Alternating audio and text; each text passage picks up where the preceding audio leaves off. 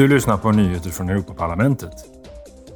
En delegation från jämställdhetsutskottet har åkt till New York och stannat i torsdag. De ska delta i FNs kvinnokommissions möte om innovation, teknikomställning och utbildning i den digitala tidsåldern. Sen åker de vidare till huvudstaden Washington där de möter företrädare för civilsamhället, regeringen och parlamentet för att diskutera tillbakagången för kvinnors rättigheter i USA och EU.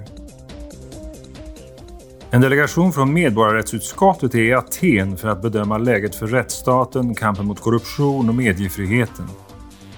EU-parlamentarikerna ska träffa företrädare för regeringen, rättsväsendet och underrättelsetjänsten.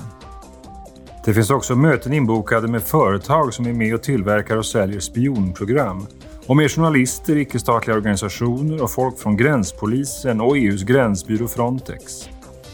Besöket avslutas under morgondagen. Igår tog miljöutskottet upp EU-domstolens dom om undantag från förbudet att sälja och använda utsäde som behandlats med växtskyddsmedel innehållande neonikotinoider. Parlamentarikerna diskuterade översynen av EU-initiativet om pollinatörer som ska stoppa minskningen av vilda pollinerande arter. Du har lyssnat på nyheter från Europaparlamentet.